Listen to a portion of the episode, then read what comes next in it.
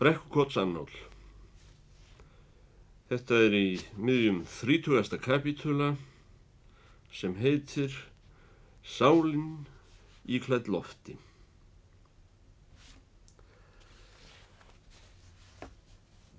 Og norðankonan steinurinn í komendunni.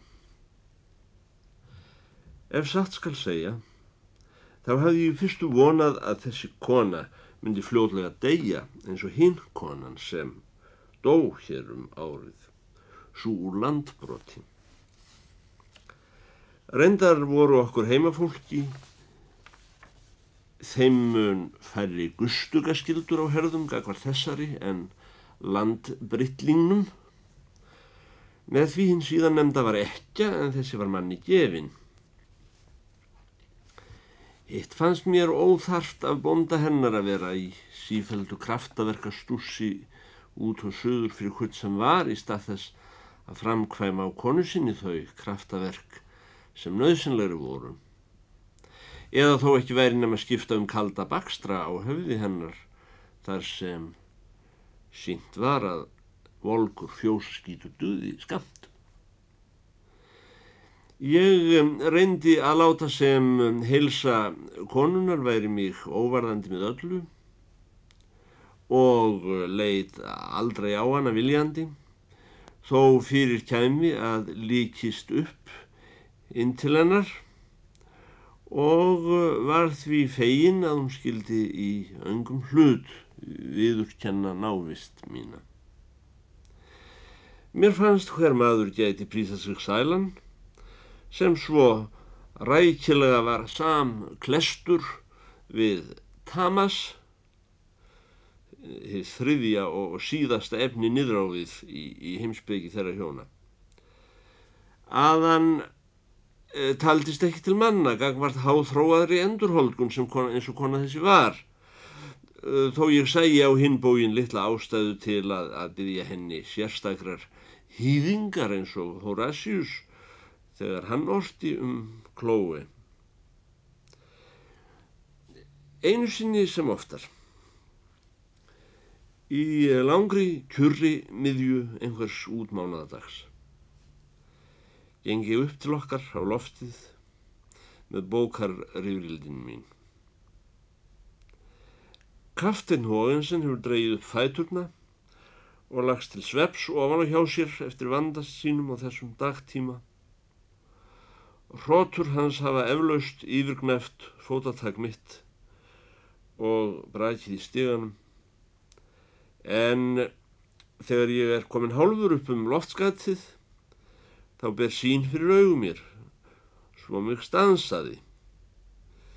Því ég hafi aldrei séð neitt fílikt áður en það var ber hvernmaður svo fákunandi var ég þrátt fyrir mikinn latínulestur að ég held fyrst að þetta veri eitthvað dýr sem glemst hefði að skrifa um í, náttúrúsögu eða ég hafði huldu vera. Ég stóð stjarfur og góndi eins og ég ætlaði að verða til þar í miðjum stiga. Hún stóð til fóta í rúmunu hjá gamlamanninum sofandi og var íbógin að gæjast út um, um gluggan litla þar sem puntstráið barði rúðuna. Þið gula hár hennar var tekið saman með spotta bak við eirun og hangdi á þekkt tagli landnir og bak. Ég sá hlið henni hver nett hún var á vangan, grannleit með þetta beina nef og velsmíðaða höku, svo og einhvern veginn alveg rétt gerðan munn og þetta stóra geyslandi hár. Að öðru leiti var þessi manns líkami svo nærið því að vera skopstæling sjálfs sín, sækir ofgerðar sköpulagsins, að það var erfitt að ímynda sér að sá sem átti slíkan líkama fengi þjáðst af öðru en, en of hilsu ef sá sjúkdómur til. Mér data kannski ekki hug þar á stundinni en hef oft hugsað síðan að hafi nokkru sinni verið endur borin á Íslandi Gíðiasú sem fyrir eina tíð bar fram hornið Kornukópia, kent við ofgnótt og vaksið hefur á frægri geit, þá hafi það verið þessi.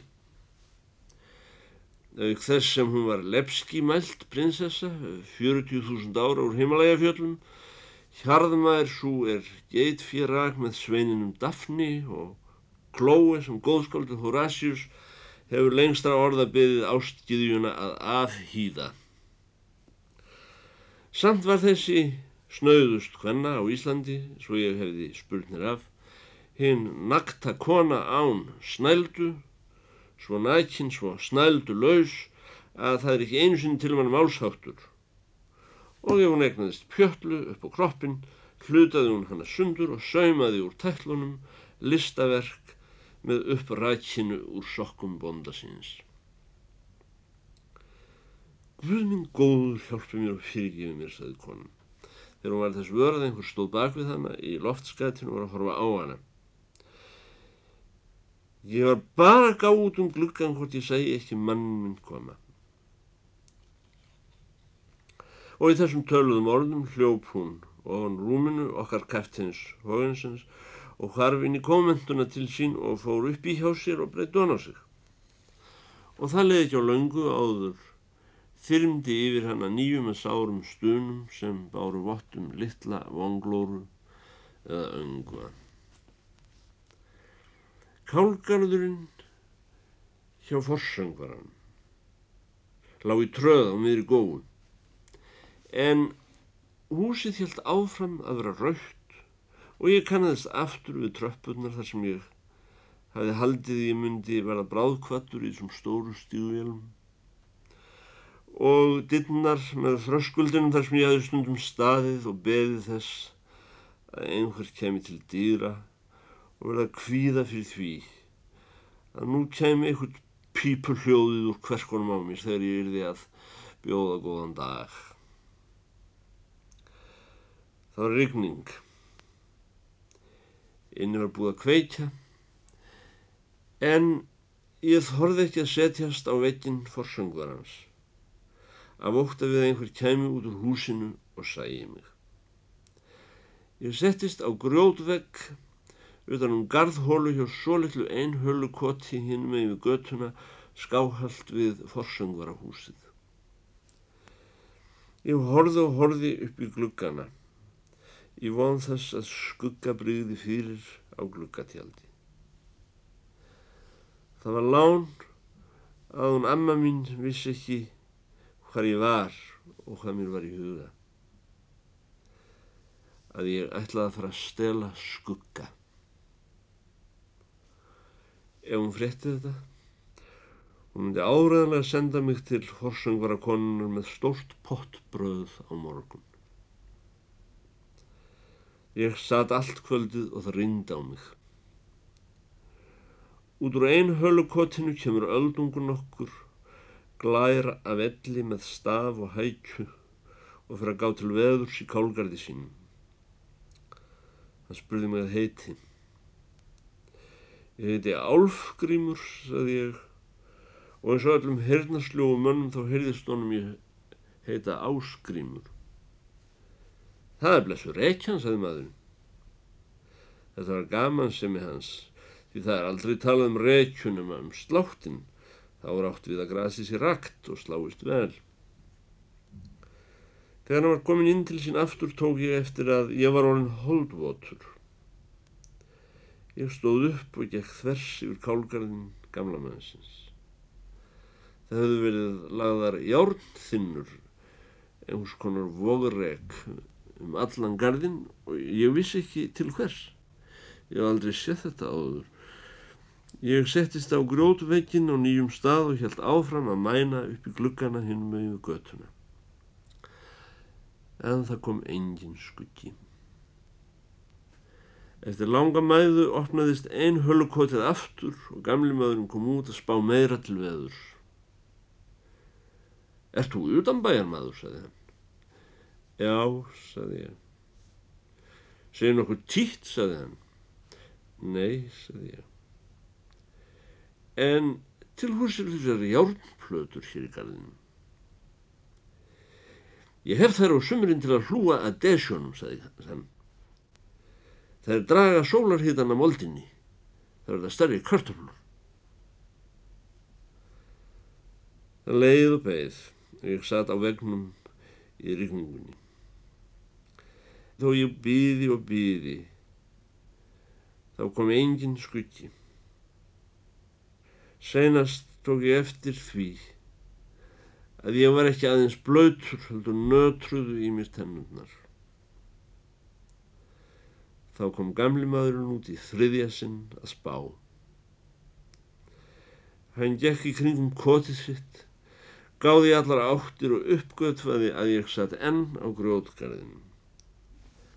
En hvað hérstu nú eftir, sagði kallin. Áskrímur, sagði ég. Og eftir hverju ert þú að býða, sagði hann. Ég er að býða til skugga, sagði ég.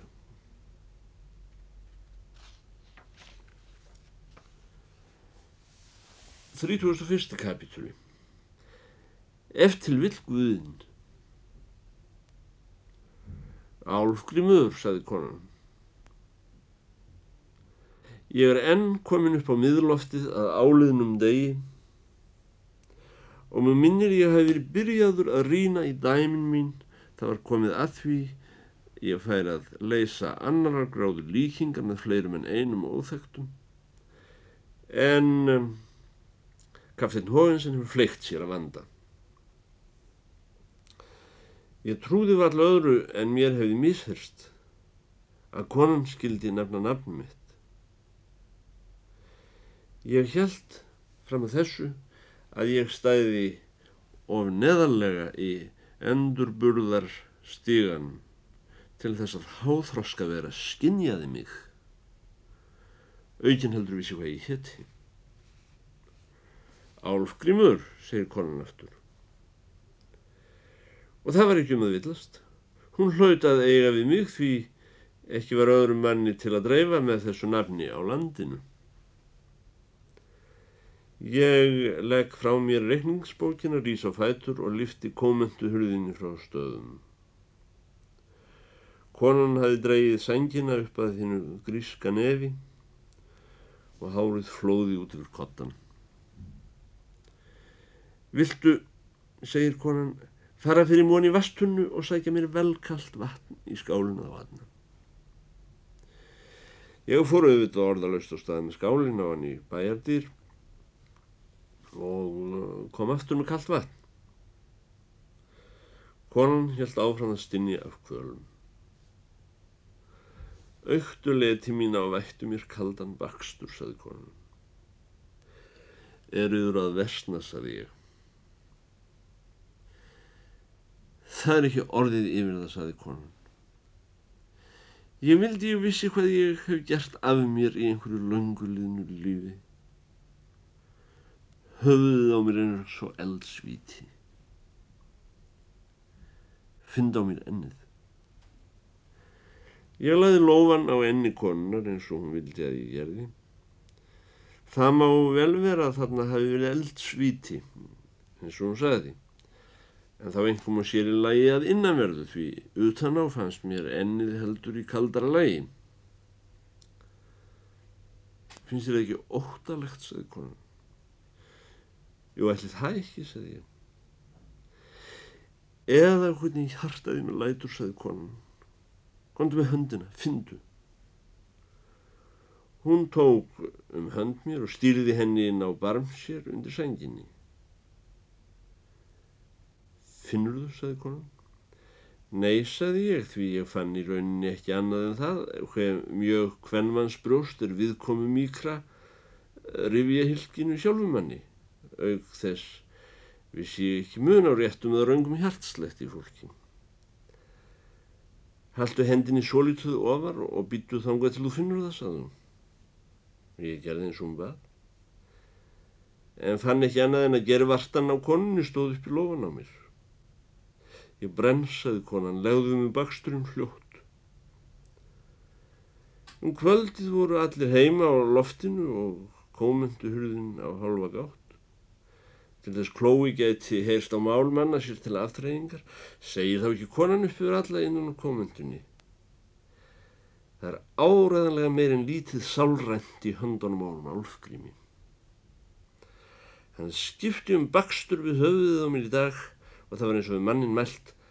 Hann hafði ekki fyrr komið ennið á mér en ég fór að finna ströym og eftir dálitla stund var ég búin að fá þennan rétt að skjálta og síðan sopna ég og vakna sessari en ég minnist lengi. Ég vissum hann hefur gáður til handa uppleggingar meir en flestir andlegi leknar sem hafa hingað til reyndið mig. Bondi konunar reys úr sæti og kom til mín og fór að skoða mér hendurnar. Hann þuklaði þær af sérþekkingu og let sig falla í leiðslu um stund eins og sagði hátíðlega Þetta eru andlegar hendur. Það var svo sem auðvitað að Klói myndi að veðlis ávísun formerkja allt andlegt í nánd við sig. Þessar hendur, þó það séu í starra lagi og raunar dálítið eins og klauðalegar, þá felst í þeim minna af tamas og meira af sattva en margan skildi gruna. Hver veitnum að pildurinn sé bótt í sattva?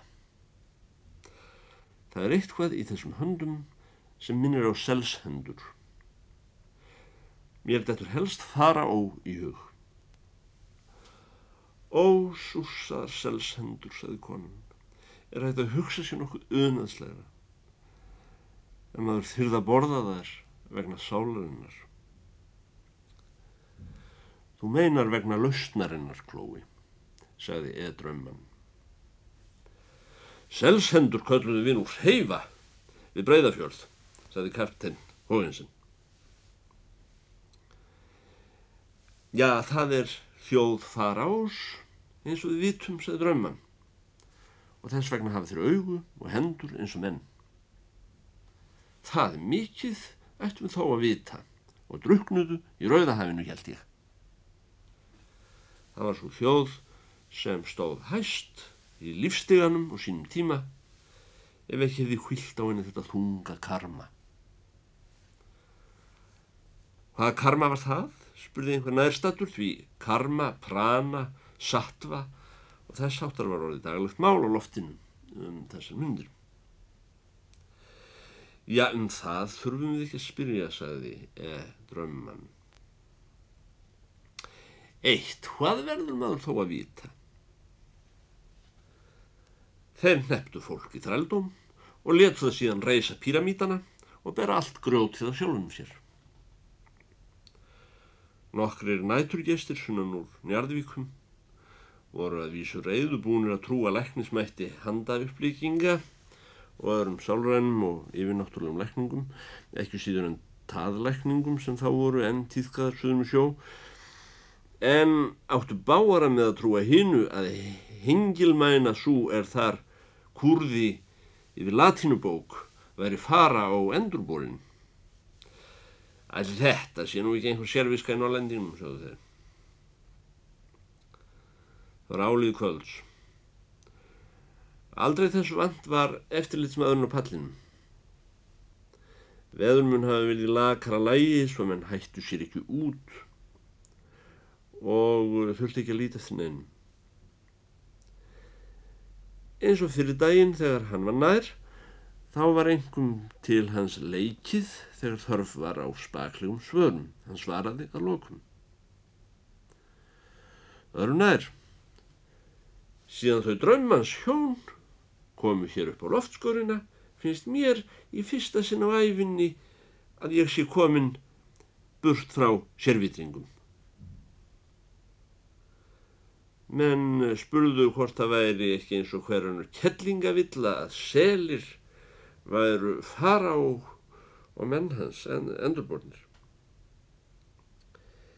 Ekki skal ég um það segja, saði eftirlitsmaðurinn, en hitt veit ég að trúin á karma, lagmál orsaka og afleiðinga og kenningin um endurburð og sálnaflakk er að minnstakosti almennari trú á jörðinni en til dæmis kristendómur. Ég held að oppin af þeim í Asíá aðhyllist svona nokkurn veginn sömu skoðanir og þessi heiður svo sóma hjón. Við í Evróp verum bara lítilfjörlegur skæi. Þeir sem ekki eru útsker eins og við Íslandingar. Það sem við höldum er útskagaviska. Mér finnst ég að vera komin heim til mín að hitta loksins fólk sem hefur sömu trú og stærstur hópur jarðbúa. Ámaður þá að trúa meiri hlutanum skilirislust í staðin fyrir að hlusta á spekingana, spurði hinnir. Ég er ekki að segja að krummi sé ekki fuggl, svaraði eftirlitsmaðurinn. Og eftir fróuna honum krungið á veturna þegar aðrir fugglar eru á baku burt.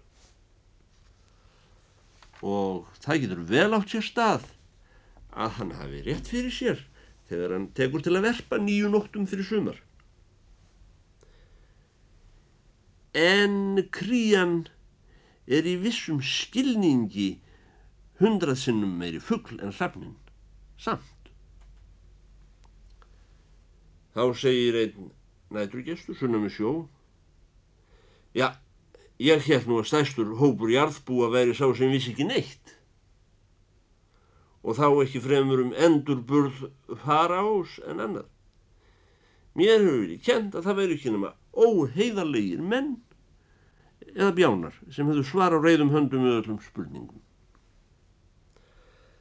Það er allt annar handleggur, sagði eftir litsmaðurinn. Og þó hygg ég sanni nær að svar sé við flestum spurningum. Séu það lagða rétt. Aftur á móti held ég að fá svör séu til við spurningum sem bjána spyrja og enn færri við þeim sem borðnar eru upp af ódrengilegum mönnum. Jæja, saði maður hún í alvíkum. Þá ætlum ég að spyrja þig að tveimur spurningum eins og vanalegur ótugtúsaður maður hundi spyrja og valla meiri bjáni en fólk svona upp og ofan.